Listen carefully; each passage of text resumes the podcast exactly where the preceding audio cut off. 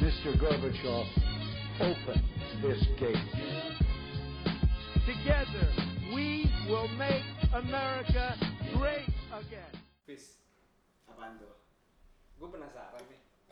Menurut lu podcast bebas aktif tuh kalau seminggu nggak naik ke Spotify tuh cari orang nggak ya? Wah, nggak tahu kalau tiga kali paling baru cariin. Nggak, Absennya udah habis soalnya. Wah, soalnya tadi briefingnya kan Mas Adit bilang kita harus minta maaf karena minggu kemarin nggak keluar. Ternyata tidak ada yang peduli gimana?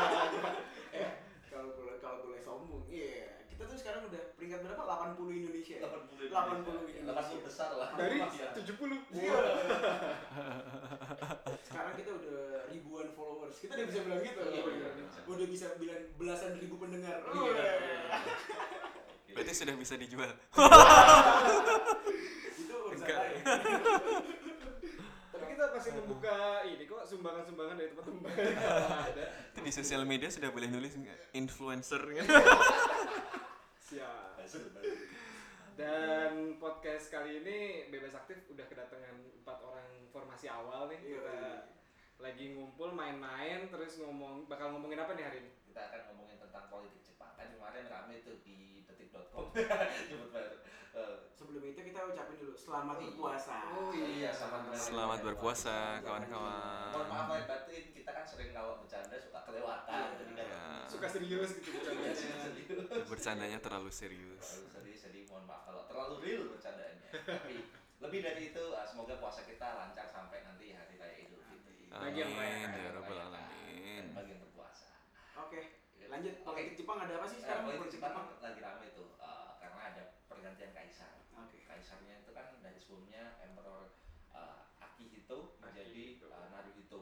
Nah itu yang akan kita bahas hari ini. Tapi nggak hanya itu doang, kita akan menelisik lebih jauh mengenai politik di Jepang itu kayak apa. Itu kan sesuatu yang kayaknya orang Indonesia juga jarang lihat kan. Kan kalau ngomong tentang politik, milunya pasti ke Amerika, ke Betul. Inggris, ke Kalau Jepang kita ngomongin apa sih? apanya? Kalau di, di Jepang kita ngomongin apa biasanya? Kita ngomonginnya Doraemon. Enggak, kalau di Jepang kalau yang sekarang nyambungnya ke sini. Kalau habis Naruhito, kaisarnya apa? Naruto. Boruhito. Karena gue gak paham. Naruto. Boruto kan kan Kan Naruto. Oh, tadi? mohon maaf kepada teman-teman dari Jepang kita kita nggak mencoba untuk ma- ini ya. Eh, Oke, jadi eh, sebelum kita masuk lebih lanjut, kita eh, ingin tahu sebenarnya politik Jepang itu kayak apa sih? Jadi biar orang-orang kan tahu kan. Jadi kalau orang li- eh, orang yang belum tahu tentang Jepang, eh, kita kasih tahu bahwa Jepang itu merupakan negara monarki konstitusional. Hmm. Artinya jadi kepala negaranya itu adalah kaisar atau emperor, uh, Tenohika maksudnya. Tenno. Tenno. Nah, Eh, nah, eh, sebutannya Tenno terus Kalau Tenno Heika zaman dulu kayaknya. oh, Mikado, bahaya sekali. Mikado, Tenno Heika. Ya, Tenno, nah, itu kaisar, dia sebagai pemimpin negara tetapi nggak punya eh, otoritas politik, otoritas politiknya diserahkan ke nasional diet atau diet gitu, Mas? Eh, diet ya. Diet, diet. nasional diet. Nah itu adalah eh, lembaga parlemen atau lembaga legislatifnya yang tugasnya itu membuat undang-undang, lalu juga memilih eh, Diet, diet apa diet? juga. Diet. Oh, Diet. Paleo, paleo. Kali. ada teknologi sudah maju, lawak kan tidak berjalan. Iya, soalnya lagi puasa nih ngomongnya diet Oh terus iya. ya. Anyway, terus eh, national diet itu dibagi menjadi dua jadi ada upper house ada lower house-nya yang tapi lebih banyak kayaknya yang dibahas itu Oh berarti bi kamera lah ya? Bikameral Hmm. Parlementer. parlementer Iya, parlementer. Makanya yang menguasai parlemen yang jadi perdana menteri. Iya sekarang adalah eh, dipimpin oleh eh, perdana menteri Shinzo Abe nah Shinzo Abe ini kayaknya dari dua tubuh besar dari pubertas yang ngerti apa politik sampai sekarang itu kayaknya dia dia mulu Iya. kan Ya, dia dulu Shinzo. pernah eh, pernah naik tapi pernah kalah dulu, terus naik lagi. Oh. Jadi karena LDP dulu sempat kalah, jadi Shinzo Abe harus Tahun turun ya. 2009 ya kalau nggak salah. 2009. Jadi 2007 itu Shinzo Abe eh, perdana menteri Jepang. Ya, 2009 kalau nggak salah harus turun lagi, tapi kemudian naik lagi karena partai oposisi ternyata nggak perform ya. Eh, DPJ ternyata nggak nggak bikin hashtag ganti perdana menteri sih, tapi eh, ya terus menang. eh, tapi ternyata mengelola negara sulit juga gitu ya karena ternyata birokrasinya birokrasi Jepang kan kuat sekali dan mereka eh, agak berbeda pandangan dengan pemerintah barunya gitu jadi nggak jalan ya akhirnya kembali lagi ke LDP Liberal Democratic Party Demokratik Parti ini partai konservatif masih sebenarnya. Iya konservatif, ya, makanya banyak yang mengkritik nggak liberal, nggak demokratik dan nggak parti. Iya. Nah itu Tapi eh, memang dia paling kuat ya dari eh, dulu. Tapi di beberapa daerah dia sebenarnya eh, tidak terlalu populer kayak di beberapa tempat yang oposisi kuat gitu ya. Oh. Ke daerah-daerah seperti Kyoto itu eh, oposisi kuat. Oposisinya eh, eh bukannya oposisinya ada dua mas ya kuat DJP Ada. yakni Demokratik DPJ, Jepang. ya, Democratic Eh, Party DPJ. of Japan. Nah itu partai sentris ya. Hmm. Sentris terus yang ketiga ini yang menarik nih yang mungkin banyak orang surprise. Jadi partai terbesar ketiga di Jepang adalah Partai Komunis. Partai Komunis. Mereka bikin itu bahkan punya apa? Posko-posko gitu di daerah-daerah yang mereka kuat. Ya kayak pos ronda pos ronda gitu. Oh, itu fungsinya apa mas? Mengumpulkan massa gitu? Iya masih nongkrong, eh, gaple. buat Agak berbeda. konsolidasi. Menarik. Kalau lihat Jepang kampanye itu unik karena tempatnya disediakan khusus gitu poster-posternya gitu ya. Nah, jadi rapi gitu. Di- Posternya nggak ditempel pohon. di pohon, ditempel di apa. Rapi gitu ya, sangat teratur. Tapi kampanyenya juga agak kurang seru karena kampanye itu kadang-kadang sepi gitu ya. Jadi di tengah jalan eh, pidato di, di atas mobil gitu. Yang dengerin ya gitu, segitu-segitu aja gitu ya. Enggak Emang nggak ada yang nggak dikasih naskah? ya nggak ada kayak di Indonesia motor apa belombongan keliling kota gitu nggak ada Oh, yang terus Nah, terus lempar-lemparan nah, itu nggak ada itu kurang kurang menantang gitu Ad- kurang adrenalin eh, rush gitu. Nggak ada pengumpulan massa di stadion gitu. iya tapi ada. pidato ada sih kayak ada. eh, apa Oh, ta- tapi kalau eh, lihat apa antusiasme di politik Jepang memang nggak Ya, sekali. Indonesia sih. Iya. Kan feels. ngomongin soal dinamis tadi gue jadi penasaran kan ada dia ada partai komunis ada partai liberal ada partai oposisinya yang gue asumsikan partai liberal gitu kan Hmm. liberal demokrat berarti lawannya ya mungkin eh, buruh mungkin atau apa partai oposisinya apa tuh mas ya Democratic Party of Japan Democratic ini Party gitu ya. eh, tapi ini apakah narasinya agak ke kiri eh. mirip sama kita yang Kiri tengah. semuanya ke tengah gitu atau ada yang berani main perspektif jauh-jauh spektrum kayak misalnya partai komunis apakah benar-benar komunis atau dia cuma Ya kalau LDP ini kan eh, memang apa ya dia kanan tengah tapi agak ke kanan gitu ya Hmm. makanya eh, yang dia dorong ya soal eh, kebanggaan eh, Jepangnya ini gitu ya Eh, makanya mereka rutin misalnya pemimpin-pemimpinnya itu berkunjung ke kuil Yasukuni Yasukuni Jinja itu di Tokyo itu kuil untuk me- apa ya mengagungkan pahlawan-pahlawan perang Jepang. Ini termasuk orang-orang yang oleh eh, banyak orang lain ya dianggap sebagai penjahat perang, tapi bagi Jepang ini pahlawan. Makanya Cina eh, ribut kalau Jepang kalau misalnya perdana menterinya atau politisi eh, yang mau pemilu itu berkunjung ke Yasukuni. Tapi memang eh, LDP ini salah satu basis pendukungnya memang kelompok-kelompok eh, sayap kanan ya, eh, yang dulu LDP ini menjadi kekuatan dominan salah satunya karena pas tahun 70-an mereka bekerja sama dengan kelompok-kelompok sayap kanan untuk menghabisi eh, asosiasi-asosiasi buruh ya eh, persatuan-persatuan eh, buruh tahun 70-an pas masa-masa perang dingin ya, termasuk menggunakan yakuza. Eh, jadi ada pertautan antara eh, itu juga gitu ya kelompok-kelompok sayap kanan di grassroots ini dengan politisi-politisi eh, di LDP ini. Oh, jadi apa demo buruh terus disusul Iya itu dulu ditekan. ya dulu ditekan. Dulu Kyoto itu terkenal eh, sebagai basisnya apa orang-orang kiri gitu ya. Nah, ada bar atau tempat apa ngumpulnya tempat Hmm. minum-minum yang tempat ngumpulnya aktivis-aktivis gitu ya.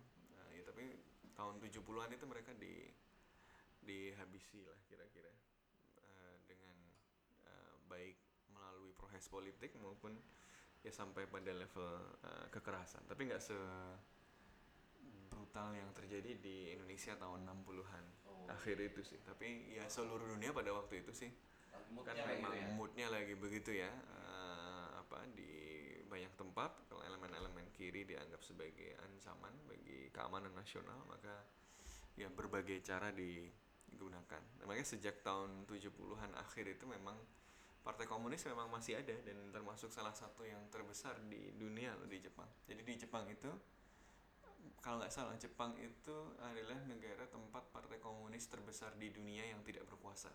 Jadi kalau sekarang partai komunis yang lain itu kalau nggak berkuasa ya eh, kecil-kecil atau habis atau malah dilarang. Nah di Jepang ini dia masih termasuk paling Kuat. besar ya tapi eh, tidak berkuasa di Jepang. Itu komunisnya juga komunis Marxis as in Stalin gitu-gitu gak sih mas? Atau komunis yang eh, kayak di sini Eji Eji dengerin lagu Iya.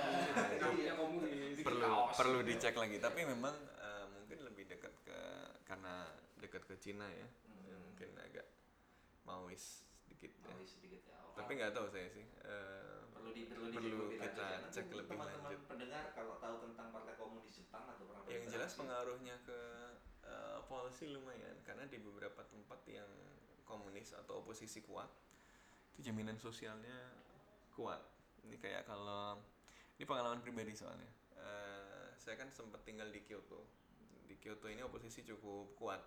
Itu jaminan sosialnya lebih bagus daripada di Tokyo Oh jadi per council Jadi, gitu ya mas? ya? Nah, ada ada per- kebijakan yang ditetapkan di level Oh. daerah kan. Kayak kalau di Kyoto itu melahirkan eh, nanti bisa dapat bersih sekitar eh, 300 jutaan eh 300 ribu yen. Setara berapa tuh? ya 40-an juta eh, rupiah itu, Itu- hasil melahirkan. Melahirkan dibiayai negara asik Ya, banget.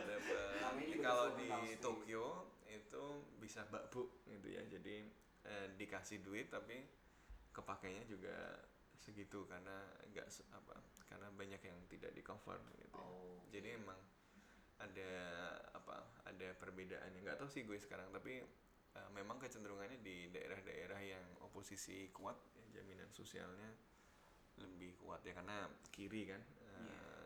ya kalau yang eh, LDP kuat lebih apa eh, ya lebih liberal memang Jadi pis kalau istri lo ntar menjelang melahirkan pindah ke Kyoto dulu. Kyoto. Benar sekali. Atau cari orang Kyoto. Ya, bisa jadi. Oke, tapi la- kembali ke soal Kaisar Jepang. Menurut eh, Hafiz atau Ical gimana nih pergantian kemarin? Pada pada baca-baca itu nggak sih berita Baca. Ternyata eh, katanya responnya cukup positif ya. Eh, Ganteng nah, soalnya. Iya, saya curiganya demikian soalnya katanya ada suara-suara eh, apa dukungan positif warga Jepang ketika pelantikan Naruhito apa eh, Kaisar Naruhito. Naruhito ini cuman pas gue lihat fotonya oh iya apa mungkin apakah gara-gara ini ya tapi nggak ganteng pun jadi ganteng kok kalau jadi kaisar Iya, iya dong, iya dong. Hafiz ganteng Iya, tapi nggak jadi Kaisar. Tapi sebenarnya eh, ini kan cuma mekanisme pergantian kerajaan aja gitu ya. Maksudnya di raja kan memang kalau misalnya udah tua bisa Kaisar ini, kaisar. Eh, jadi kaisar. Jepang itu ngomong-ngomong satu-satunya negara yang uh, masih menggunakan istilah kaisar, Kaisar. ya, yang Apa sih bahasa masih Jepang ya? kaisar. ya. Bahasa Jepangnya apa? pen Ya tenno tadi. Oh, tenno itu ya. Ah, Jadi iya sebenarnya kalau buat gue ya, buat gue misalnya gue jadi warga Jepang, oh ya udah ganti aja gitu. iya, iya. Iya, maksudnya nggak ada no, no big deal buat Dan gue. memang buat sepanjang gue. sejarah Jepang itu agak unik kalau kayak di Cina itu kaisar-kaisarnya itu kan apa ada rebutan Iya, iya, kaisar gitu ya dari dinasti ke tes- eh, dinasti prestis. gitu ya. Tapi ada Manchu ada Ming dan macam kalau Jepang ini relatif stabil jadi perebutan kekuasaannya itu tidak tidak mengganti kaisar. Tapi memang kaisar ya dari dulu memang perannya lebih banyak simbolik ya. Iya, dia simbolik sebagai eh, ya asal usul orang Jepang ya, eh, yang yang merupakan keturunan dari dewa matahari gitu ya, Ya, sehingga eh, legitimasi penguasa ya ada di kaisar. Tapi jadi tidak pernah direbut kekuasaannya Eh, tapi eh, kekuasaan real itu ada sering sekali berada di eh, kekuatan-kekuatan eksternal. Jadi kaisar ini eh, memang apa jarang menjadi sasaran perebutan kekuasaan tapi sepanjang sejarah mereka memang eh, lebih banyak memainkan peran simbolik. Jadi misalnya dari tahun 1100-an gitu ya eh, sampai nanti kejatuhan keshogunan itu ya yang berkuasa adalah misalnya elit-elit militer yang eh, apa yang menjalankan pemerintahan atas nama kaisar. Jadi mereka ditunjuk oleh kaisar eh, sebagai misalnya sebagai shogun eh, apa yaitu jenderal besar lah, jenderal besar pengusir orang-orang barbar gitu kalau terjemahan literalnya. Nah, itu eh, yang kemudian akan ya memegang kendali pemerintahan ya dari dulu di Kamakura nanti eh, nanti di bagian apa a- akhir akan pada zaman Tokugawa itu ya. Tapi yang pegang kekuasaan real bukan kaisarnya. Yang pegang kekuasaan real ya eh, kekuatan-kekuatan di luar kekaisaran ini meskipun legitimasi mereka itu dapatnya dari kaisar. Ya, makanya ketika kekuatan-kekuatan yang berebut jadi kekuatan real terbesar ini jadi shogun ini misalnya eh, ingin menyatukan Jepang ya mereka tetap butuh mendapatkan legitimasi dari kaisar ini ya karena kaisar kan juga punya apa ya aspek simbol kebudayaan yang sangat Spiritual penting. juga. spiritual juga karena Betul. kalau gue inget tuh kalau nggak salah waktu setelah perang dunia kedua selesai itu kan ada pengadilan itu kan nah yang eh, Jepang itu sempat ada perdebatan tuh eh, antara Amerika Serikat sama Inggris jadi Hmm. eh, apakah kaisarnya ini dihukum atau enggak? Nah yang bersikukuh bahwa kaisar jangan dihukum itu Inggris waktu itu karena di- punya sama-sama sentimen sama-sama monarki ya percaya bahwa punya apa aspek simbolik di bidang kebudayaan dan spiritual yang cukup kuat jadinya eh, dibela sama Inggris akhirnya bisa bertahan sampai sekarang gitu. Tapi eh, kalau nggak salah gue juga baca tuh di eh, berita-berita mengenai Kaisar Naruhito ini akan memulai era apa, Reiwa. Hmm. Rewa ya, Lo Baru baca, tahu, lo baru- baca? baru- baru baru lihat, baru- baru lihat, baru lihat. apa sih mas bedanya era itu kayak ya biasa aja ya kayak era Victorian kalau di Inggris atau era Ya, eh, Edward itu ada ritualnya segala itu Oh. untuk menentukan nama eranya, ya, mm, nama eranya dan apa yang coba dicapai melalui nama itu sih. Eh, ya jadi eh, ya diharapkan dengan pemberian nama baru, ya ini kira-kira apa ya tema atau cita-cita yang coba diwujudkan di zaman itu gitu ya. Eh, ya Rewa ini kan apa? Eh, apa artinya apa ya, Rewa itu Rewa kalau bahasa Jawa itu membantu. Ya, Nah, itu rewang. Rewa kalau nggak salah kalau nggak salah ada hubungannya sama bisa bisa itu apa? Eh, harmony kan ya. keharmonisan. Ya Ray itu apa? Beautiful. Eh, wah itu harmony. Eh, jadi mungkin eh, ya itu yang kira-kira coba dikejar. Oh, sekarang kan Jepang sudah sudah maju, eh, Oh, iya. sudah sudah apa ya? eh, Makmur lah, udah makmur. makmur, teknologi sudah maju. Ya mungkin yang akan apa menjadi prioritas menjadi tema berikutnya adalah bagaimana mengharmonikan antara kemajuan tadi dengan eh, apa kondisi masyarakatnya gitu ya karena eh, ada tantangan-tantangan baru kan yang dihadapin Jepang juga seperti eh, apa aging society eh, dan macam-macam. Dan terutama di baratnya ada Cina, di timurnya ada Amerika dengan Donald Trump. Iya. Kan perlu diharmonisasikan Betul. juga kan. paling dekat ada Korea Utara Paling dekat ada Korea Utara. Gue gue kadang-kadang tuh ngebayangin ya kalau jadi perdana menteri Jepang tuh stres juga kali ya. Lu semuanya tuh tetangga-tetangga lu tuh musuh semua.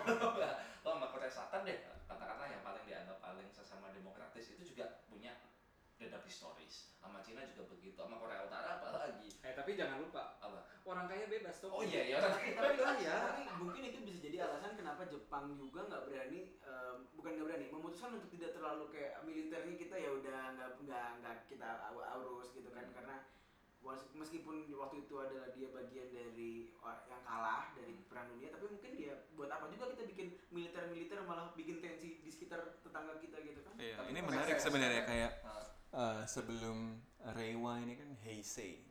Heisei itu damai di mana-mana. Nah, oh, dia kan dia kan diangkat tahun 1989 em, setelah kematian eh, apa mangkatnya kaisar sebelumnya ya Hirohito. Eh, Iya kan menggambarkan konteksnya kan karena pada zaman Hirohito itu ya terjadi perang dunia kedua Jepang imperialistik kemudian kalah kemudian mulai membangun dari kekalahan perang itu sekaligus 89 ya kira-kira akhir perang dingin gitu ya nah, jadi mungkin ini juga ada yang pasti dipikirin juga itu memilih eh, apa ini nama namanya apa gitu ya dan artinya apa gitu. Oke. Oke. Oke, jadi kayaknya udah banyak sekali pembahasan mengenai eh, apa namanya Kaisar Jepang dan Wali Jepang. Oh ada satu fakta lucu nih soal Kaisar Jepang. Namanya ada di Google Scholar. Wih, serius. Sudah eh sudah sepuh. eh, tapi ya dia Naruhito ini. Heeh, eh, si eh, enggak Akihito. Eh, heeh, Akihito. Itu pernah nulis, Mas. Iya, eh nih nih. Eh, the Emperor of Japan Akihito is still publishing scientific papers in his 80s. Wis. Eh, bentar ya, tulisannya tentang calon apa? Wah, kok calon? Oh, Kenapa, Mas? tapi apa? eh, jurnalnya tentang eh, Ichthyological Society of Japan. Hmm. Itu tentang ikan-ikan Mungkin tentang ikhtiar. tentang ikan-ikan. Jadi jurnalnya tentang ikan, tentang ikan-ikan. Dia sudah mempublikasikan 30 paper eh, di jurnal antara tahun itu pasti nggak ada 1963. masalah sama dosen pembimbing nggak pernah masalah ya. siapa yang mau masalahin Oh, Quality review ya. ini ada lagi Iya, nih. Quality review sih, ya. Cuma kan baik-baik. Oh, oh ini pernah menerbitkan di Nature loh. Oh, itu salah satu jurnal akademik terkemuka. Oh ya, Linnaeus and Taxonomy in Japan. Oh, dia terbit eh, tahun 2007. Wow. Pernah juga terbit di jurnal terkenal ini, jurnal Jin. Ini jurnal bukan Jin yang Jin, lampu ya Jin. Gen. Gen, gen, gen. Kok agak serem juga ini. Keren juga kan. Keren juga. Emperor scholar. Iya, iya. Ini kalau bahasanya apa? eh, apa Socrates atau Plato? Eh, yang itu atau Aristoteles? Ah, ah, Eh, apa? Iya, yang Kok lupa gue. sekaligus Ah. filsuf gitu kan. Iya, iya, iya. eh, Apa namanya? King Philosopher Philosopher King, Philosopher- Philosopher oh, King, iya. ya, Philosopher King. Mungkin kalau orang apa pemimpin lain hobinya mancing, golf ini dia hobinya nulis. Ya, sebenarnya dia mancing juga sih. Ini ikannya apa gitu. Oh, ah, tidak mau gue bawa Oke, tetap di, tetap di podcast bebas aktif. Mr. Gorbachev, open this gate. Together, we will make America great again. Oke, balik lagi di segmen kedua, segmen trivia fun fact. Eh, segmen, bukan segmen kedua ya. Kita Yes. nyebutnya segmen, Segmen trivia. trivia, segmen trivia. Apa tuh? Gua dulu. Atau lo? Gua Apa namanya? Namanya apa? The tri- trivia Hongo. Iya, ada. trivia Hongo. Atau Trivia gitu, trivia gitu. trivia Hongo. Oke, gua dulu. Oke. Nah, ini masih fresh dalam ingatan. Nakamura Bukan.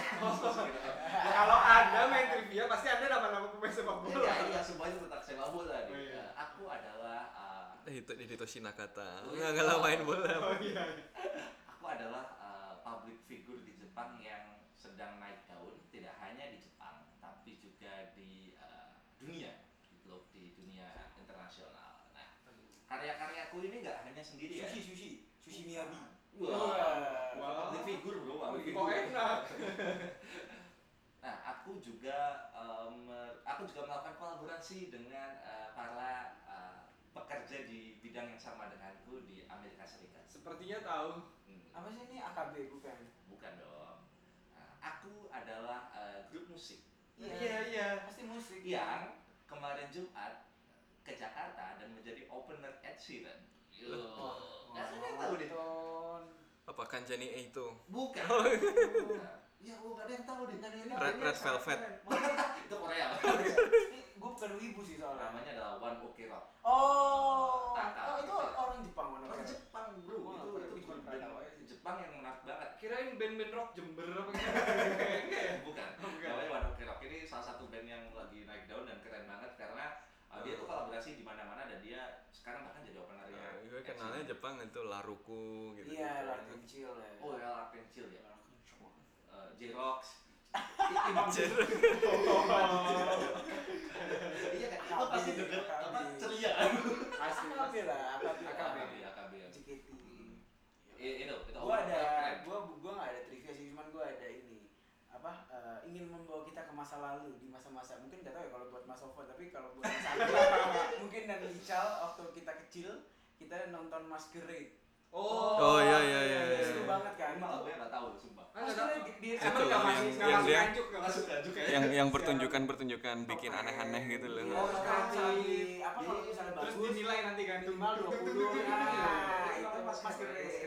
Nah, itu pentas seni doang. gue pengen mengingatkan lagi kayak kalau nggak salah tuh kemarin sempet tayang lagi tuh di di TV di televisi swasta Indonesia cuma kayaknya cuman sebentar terus hilang lagi menurut gue itu adalah salah satu bukan salah satu TV show Jepang terbaik yang pernah gue tonton sampai saat ini ngalahin Bening Takeshi buat gue Eh, tapi lu pernah nonton ini nggak eh, TV Champion oh Pernah. TV Champion pernah yang Itu keren juga itu. ya, itu keren, Ah. itu keren. Menurut gue tapi itu lebih lebih banyak komedinya, apa ya? Lebih lebih ngebanyol. lebih ya Kalau maskernya tuh bikinnya kayak Kreativitas ya. Nah, itu. Oh tapi eh, TV Champion itu tergantung temanya. Oh, iya. Kalau jadi dia kadang-kadang ada yang nggak terlalu butuh skill kayak lomba makan pedes gitu Oh, ada ya. ya? Tapi ada ada yang butuh skill kayak dia Oh, ngetes skill untuk hal-hal yang jarang dilombain. Kayak misalnya skill menggunakan kertas.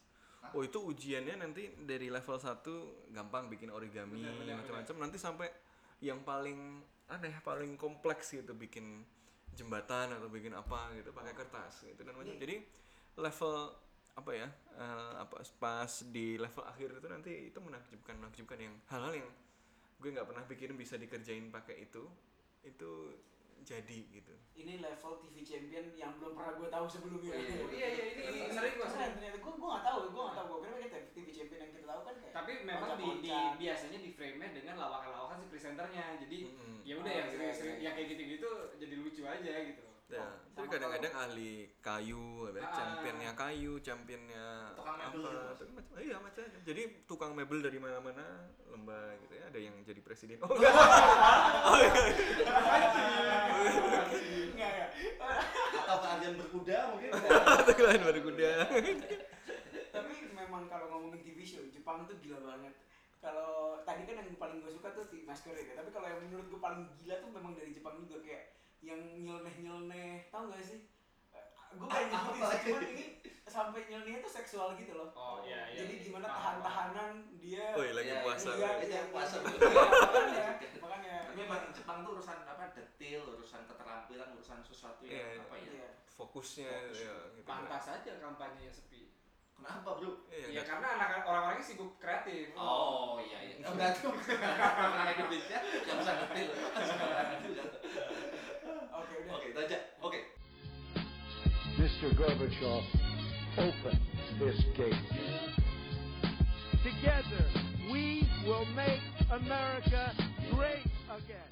Sebelum kita memasuki eh, apa segmen kedua ini, gue tadi kepikiran ini belum terjawab nih. Kan kemarin tuh eh, penobatan Kaisar Jepang ya. Gue tuh ngebayangin kok nggak kayak pakaiannya nggak kayak benteng Takeshi gitu ya yang Jepang Jepang. Modern banget bro, pakai wow, iya, iya. gitu. Iya. yang Kayaknya pergeserannya setelah perang dunia kedua dan setelah restorasi Meiji. Iya. Oh, iya, Eh, oke. Nggak kayak- Ya kan tadinya Jepang terisolasi ya, mengisolasi diri, tapi eh, apa gempuran dari Commodore Perry itu eh, ya benar-benar bikin shock kan. Jadi memang tadinya dia melihat eh, dirinya apa ya negara yang sudah maju gitu ya. Makanya kan shogun itu kan ya jenderal yang tugasnya mengenyahkan ancaman dari orang-orang barbar dari luar. Jadi mereka menganggap yang di luar itu barbar jadi memang lebih apa ya uh, less civilized gitu ya. Tapi ternyata tiba-tiba mereka di uh, dihajar sama orang-orang barbar ini kan. Mereka nggak bisa ngapa-ngapain pas Commodore Perry uh, kemudian memaksa Jepang untuk membuka perdagangan ya, dengan mengarahkan meriam ke situ makanya mereka ya sangat tertanam di kepala mereka itu Uh, makanya jadi muncul di banyak anime kan Oh, iya. Kurofune ya, uh, kapal hitam nah itu kan jadi latar cerita di Samurai X uh, Iya. Kenshin Himura. referensinya memang bagus Mas Alvan. jadi jadi memang eh, apa ya eh, memang sangat shocking. Jadi ke, waktu itu kemudian restorasi Meiji kan mulai dari situ karena ternyata kita ketinggalan banyak gitu ya dari kekuatan-kekuatan asing ini makanya harus ngej- ngejar harus belajar ke mana-mana untuk kemudian mengejar ketertinggalan itu. Makanya mereka mengirim eh, delegasi-delegasi ke luar negeri ke Amerika ke Eropa. Ada yang sempat mampir ke Singapura untuk jalan ke Eropa itu. Nggak ada yang ke Indonesia. Eh, mampir enggak ya uh, mungkin jajan sebentar beli Iya, beli oleh-oleh. sate atau apa duty gitu free ya. duty free 100 meter lagi Indonesia. Kalau tuh. Ke Batam udah.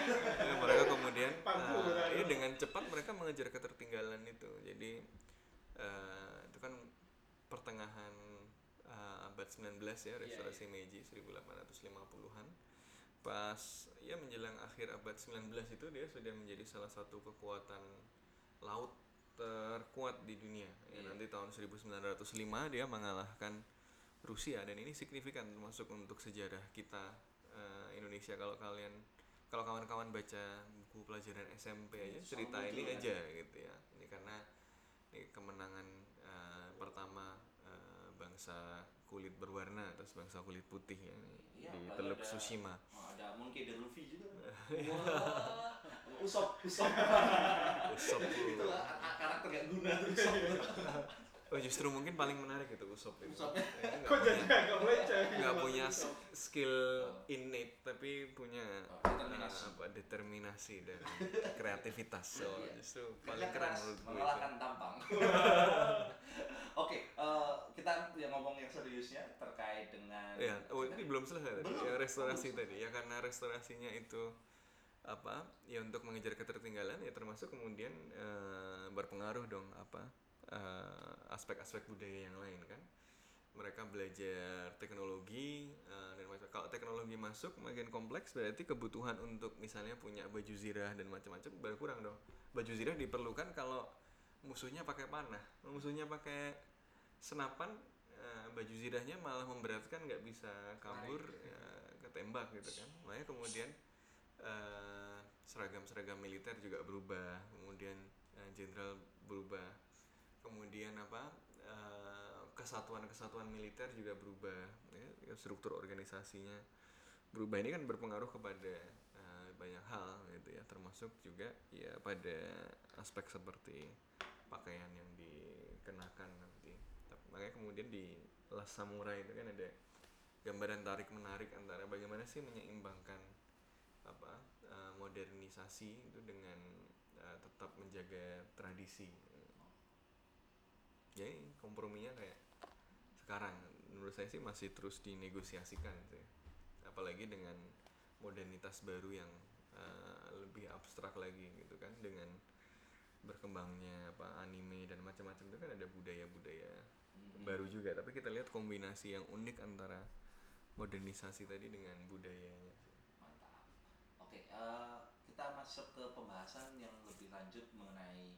Jadi kan kalau kita lihat tadi eh, ada pergantian kaisar. Memang kaisar kan nggak punya dampak signifikan untuk politiknya ya, tapi lebih ke secara simbolik. Tapi hubungan Indonesia dan Jepang itu kan udah lama banget kan. Nah menurut kawan-kawan ini sekarang hubungan Indonesia sama Jepang itu kayak apa dan ke depannya kayak apa menurut kalian? gue dulu ya gue boleh boleh kalau kalau masih singkat jawabannya pasti kalau gue sih cuma pengen lihatnya kalau yang ekonomi jelas ya Jepang pasti masih menguasai industri kita masih menguasai home appliances kita peralatan rumah ya eh, elektronik dan segala macam Jepang lah masih dipercaya sebagai salah satu negara yang berhasil em, memproduksi barang-barang dengan kualitas yang sangat baik. Cuman gue mau fokus ke sosial budaya karena ini yang lately justru lagi gue eh, bukan kaji ya cuman kayak gue teliti gitu. Ada pergeseran dari budaya-budaya Jepang yang begitu dominan di Indonesia mungkin di eranya Mas Sofwan di pas Mas Sofwan masih SMA kuliah Kita gitu, sejauh SMA. itu. Eh, Sopan. era era gue itu era kalian. Loh gue masih muda. Beda 10 tapi kita nggak menikmati Saras 008 mas. Beda 5 10 tahun nggak ngerti panci manusia milenium. Enggak enggak kita enggak beda 5 10 eh, 5 sampai 10 tahun lah. Jadi waktu Mas Sofwan eh, SMP SMA gitu kan kita mungkin masih baru SD kali ya baru masuk SD gitu di situ kan yang benar-benar budaya yang masuk ke TV kita lewat si- apa ya kartun itu pagi, Jepang itu banget ya semua. betul. Yang masuk Sailor Moon, Sailor Inspector, Moon dan segala macam itu Jepang. Ko- Chiban Korea has nothing to do with that gitu kan. Ya ya ya. Musiknya juga kan masih dia Ya, musiknya masih J-rock ya masih Laruku masih kayak gitu gitu Bonnie Bonnie Pink. Eh, Saya tidak Tidak tahu. Nggak tahu, nggak tahu. iya Apa? Sih Cibi baru kocan? itu di shifting sekarang. Malah orang jadi lebih dominannya Korea Selatan. Mungkin bukan lebih dominan ya mungkin gue juga yang nggak terpapar sama teman-teman yang punya banyak eh, ngefans Jepang ya. Tapi tetap aja that being said dominasi narasinya di media sosial itu ya Korea Selatan sekarang. Iya. budayanya Korea Selatan atau budayanya Hollywood jelas. Tapi itu yang menurut gua mungkin Jepang harus kembalikan. Karena sayang kalau misalnya itu lepas padahal itu udah membekas di banyak em, generasi milenial batas atas ya bilangnya gitu Milenial tua. generasi milenial batas atas gitu sih kalau gua Tapi gue Milenial yang lebih lebih dewasa Oh iya. dan bijaksana. Kalau kalau makin ke bawah makin kemicin gitu ya. Enggak gue pengen nge-highlight tentang eh, eh, Jepang dan industri hiburannya tuh yang lagi hype banget Godzilla lah. oh iya iya Gila nggak sekarang teknologinya eh, filmnya dan udah bikin bahkan beberapa teman gue yang bilang gue nggak nungguin Endgame tapi gue nungguin Godzilla. Gojira eh bukan Iya Iya, Gojira cuma. Gojira, Gojira yang Gojira. iya iya Cuman yang mau gue highlight di sini adalah gimana ma- eh, sekarang dan masa depan Indonesia dan Jepang. Kalau gue ngelihat masa depan kita akan tetap menggunakan barang bekas dari Jepang. terutama transportasi terutama transportasi karena transportasi publik ya eh, balik lagi sih sebenarnya kebutuhan kita juga di di Indonesia juga kan kalau misalnya kita lihat eh, walaupun gak second dari Indonesia eh dari Jepang tapi kita pakai motor second Iya. buatan Jepang. Ya kan? Iya kan? Maksud gue kayak gitu-gitu loh kita tanpa sadar kita udah ter eh, apa ya punya hubungan yang begitu dalam dengan Jepang. Kayak gitu sih pandangan gue. Oke. Nah itu mengenai apa hubungan tentang Ekonomi. dan sosial budaya ya. Nah, Mas Oman kalau soal politiknya, nah ini kan menarik. Indonesia sama Jepang ini sama-sama negara demokratis. Walaupun dalam eh, apa indeks demokrasi itu katanya flawed sama-sama flawed demokrasi. Nah, tapi ini ada sebenarnya ekonomis index ya iya. Iya. eh, nah sebenarnya apa sih yang bisa eh, kita pelajari dari politik di Jepang dan apa yang bisa mereka pelajari dari kita sebagai orang yang pernah di Jepang lah? Ya ngomong-ngomong gue ke Jepang lagi nih minggu ini. Wih. Eh, wow Eh. nonton Godzilla Premier. Oh. Gini, eh, apa ya? ya? Ini sebenarnya agak unik ya hubungan antara Indonesia dengan Jepang ini karena Jepang ke sini dulu eh, ya eh, dari akhir apa pada akhir masa kolonialisasinya Belanda gitu ya datang dengan bendera sebagai cahaya Asia, eh, saudara Asia, pelindung Asia gitu ya, pemimpin Asia. Eh, sehingga apa eh, waktu itu kemudian para pemimpin kemerdekaan melihat eh, kehadiran Jepang ini sebagai eh, strategi sebagai salah satu kesempatan untuk menyiapkan kemerdekaan Indonesia. Makanya waktu itu terbelah itu Eh, Soekarno ya, dan kawan-kawan itu eh, setuju untuk bekerja sama dengan Jepang, sementara eh, kelompok-kelompok komunis itu melihat Jepang sebagai kekuatan fasis lebih berbahaya daripada eh, kolonialismenya Belanda. Maka kemudian eh, agak unik ini eh, Belanda nanti termasuk memberikan dukungan kepada kelompok-kelompok komunis ini untuk melakukan perlawanan terhadap Jepang. Makanya nanti pas Indonesia merdeka eh, Belanda itu kampanyenya salah satunya adalah mengatakan bahwa Republik Indonesia itu bonekanya fasis, bonekanya Jepang. Makanya mereka mau ambil lagi itu kira-kira gitu narasinya. Begitu. Eh, tapi ini termasuk kelompok-kelompok komunis ini Amir Syarifuddin itu tadinya diminta untuk tidak mendukung Republik tapi mereka malah mendukung Republik ya. Eh, jadi ada split antara kelompok-kelompok kiri di Belanda yang pro penjajahan kembali ya, dengan kelompok-kelompok kiri di Indonesia yang memilih Republik. Tapi anyway eh, ya sejak kemerdekaan itu ya hubungan Indonesia dengan Jepang masih berlanjut ya. Karena eh, ya banyak banyak hubungan yang masih dijalin setelah itu mahasiswa-mahasiswa Indonesia sebenarnya sejak sebelum kemerdekaan banyak yang sudah dikirim ke sana karena dulu Jepang menjadikan pan-Asianisme kan sebagai salah satu senjata untuk ekspansi imperial. Jadi dia mengundang banyak ya orang untuk ke Jepang juga untuk menebarkan eh, pengaruh.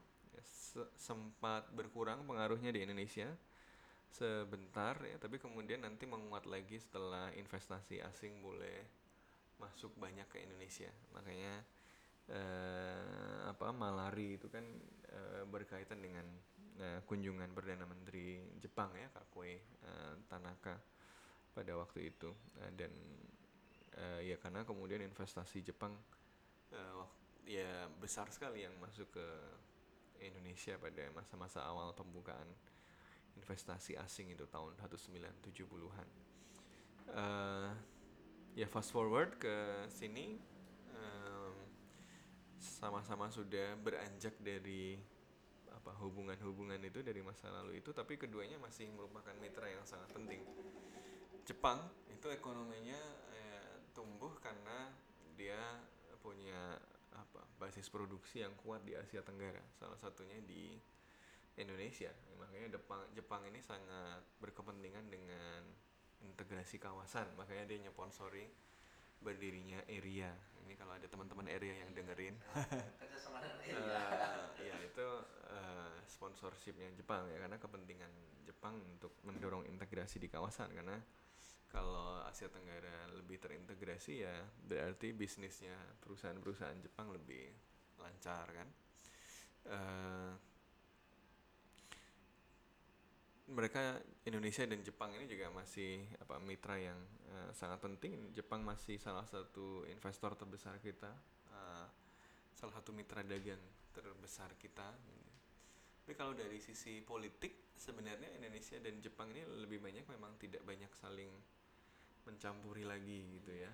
Eh, beda sama misalnya Amerika Serikat ya yang eh, sangat intensif misalnya dia mencoba apa mempengaruhi eh, atau see to some extent mempengaruhi politik Indonesia. Jepang ini relatif pasca kekalahan perang dunia kedua kayaknya dia agak hati-hati gitu. Jadi ya mostly pertimbangannya eh, ekonomi. Ya tapi ya ekonomi is political sih pasti ya eh, karena alokasinya resource. Tapi tidak politik praktis dalam arti eh, apa mendorong satu kelompok tertentu atau gagasan politik tertentu meskipun Jepang ada juga beberapa bantuan luar negeri belakangan ini yang agak political seperti bantuan luar negeri apa untuk demokratisasi pada masa-masa awal transisi itu. Kayak kalau nggak salah teman-teman LSI yang pertama yang sekarang jadi lembaga survei yang kemudian beranak jadi banyak-banyak lembaga survei itu salah satu orang nggak percaya. Ada salah satu dukungan awalnya adalah dari Jepang. Salah satu dukungan awal pendanaannya adalah dari JICA Eh, ya karena Apakah itu bikin bikin lembaga survei itu kan eh, sulit apalagi pas awal-awal ngelatih orang dan macam-macam itu infrastruktur yang nggak bisa dikejar nah kenapa kemudian lembaga survei kan sebenarnya orangnya itu itu aja pemainnya itu itu aja karena memang mahal mulainya kan? Nah dulu yang salah satu yang bantu memulai itu Jepang eh, sponsorship dari JICA makanya dulu sempat ada kontroversi pas sebagian orang-orang ini mulai jadi komersial Eh, karena lo ini kan duitnya dulu untuk kepentingan publik. Tapi sekarang setelah infrastrukturnya ada ada yang menggunakannya untuk kepentingan komersial. Jadi konsultan Makanya sebagian yang masih merasa itu tidak etis eh, tidak terima lalu terjadi konflik terbelahnya terbelahlah LSI jadi dua. Tapi sekarang semuanya kayaknya sudah eh, komersial. Walaupun eh, apa apa ya tentu kita eh, apa ya? Ya tapi urusan lain sih soal itu. Tapi anyway eh, ya Jepang itu nggak nggak terlalu banyak campur tangan sih eh, urusan politik domestik eh, negara lain ya. Ya bahkan di foreign affairs kan dia banyak melakukannya apa checkbook diplomasi. Ya diplomasinya ngasih duit aja. Nggak mau terlibat terlalu eh, dalam ya seperti Amerika Serikat atau yang lain nah kalau yang bisa dipelajari dari Jepang apa? Apa ya? Jepang itu yang menarik adalah kalau pejabat publiknya melakukan kesalahan sedikit aja kecil aja rasa malunya tinggi. Jadi ya mereka bertanggung jawab dan ya mengundurkan diri. Ya kalau kita kan eh, ketahuan korupsi sudah jelas saja malah dadah-dadah ya kemarin siapa? Eh, Bupati Talaut eh, sudah apa ditangkap aja masih ngomong saya NKRI saya Pancasila gitu kan pertama kali diwawancara gitu. Maksudnya eh, kita ini apa ya eh, ya kayaknya kok sudah sampai pada tahap apa, banal sekali eh, politik kita itu. Kalau apa eh, soal korupsi. Jepang juga bukan berarti nggak ada korupsi. Jepang itu ada juga korupsinya. Kalau nonton drama kayak apa Change si Kimura Takuya itu eh, itu dari drama soal politisi dan menggambarkan poli- sistem politik Jepang itu sebenarnya ada elemen-elemen korupnya juga. Tapi meskipun misalnya kayak ya, sering disebut-sebut perusahaan-perusahaan konstruksi itu berafiliasi sama yakuza Uh, tapi setidaknya ketika mereka dapat project mereka tuh bertanggung jawab jadinya bagus. Kalau di Indonesia uh, udah dapatnya nggak bener caranya gitu ya pakai bagi bagi rente dikerjainnya juga nggak bener gitu. Jadi jembatan kita ambruk jalanan kita bolong-bolong semakin sering bolong semakin bagus. Karena berarti tiap tahun ada proyek maintenance gitu. tapi nggak ada evaluasi kok ini bolong kok ini jelek. Kalau Jepang dia walaupun dapat proyeknya pakai apa uh, kronisme misalnya dia kerjainnya bener karena malu dia kalau jalannya jelek juga gitu ya Uh, jadi ya ya banyak hal yang bisa kita pelajari sih uh, kaitannya sama integritas gitu ya. Bahkan termasuk integritas ketika anda korupsi setidaknya jangan gereges-gereges banget lah ya. Iktp sudah jelas kriterianya kayak gitu di kickbacknya besar sekali jadinya cuma buat uh, apa ganjel pintu doang gitu ya. Iya, dan apalagi pas ngurus di kelurahan, narkonya habis. Oke, kayaknya kita eh, episode ini cukup padat ya pembahasan kita, menarik sekali. Eh, mungkin itu aja eh, yang kita bahas untuk episode kali ini. Jangan lupa untuk tetap eh, subscribe, follow, dan share konten-konten kita. At kontekstualcom di Instagram dan Twitter. Kontekstual media di YouTube. Oke. ciao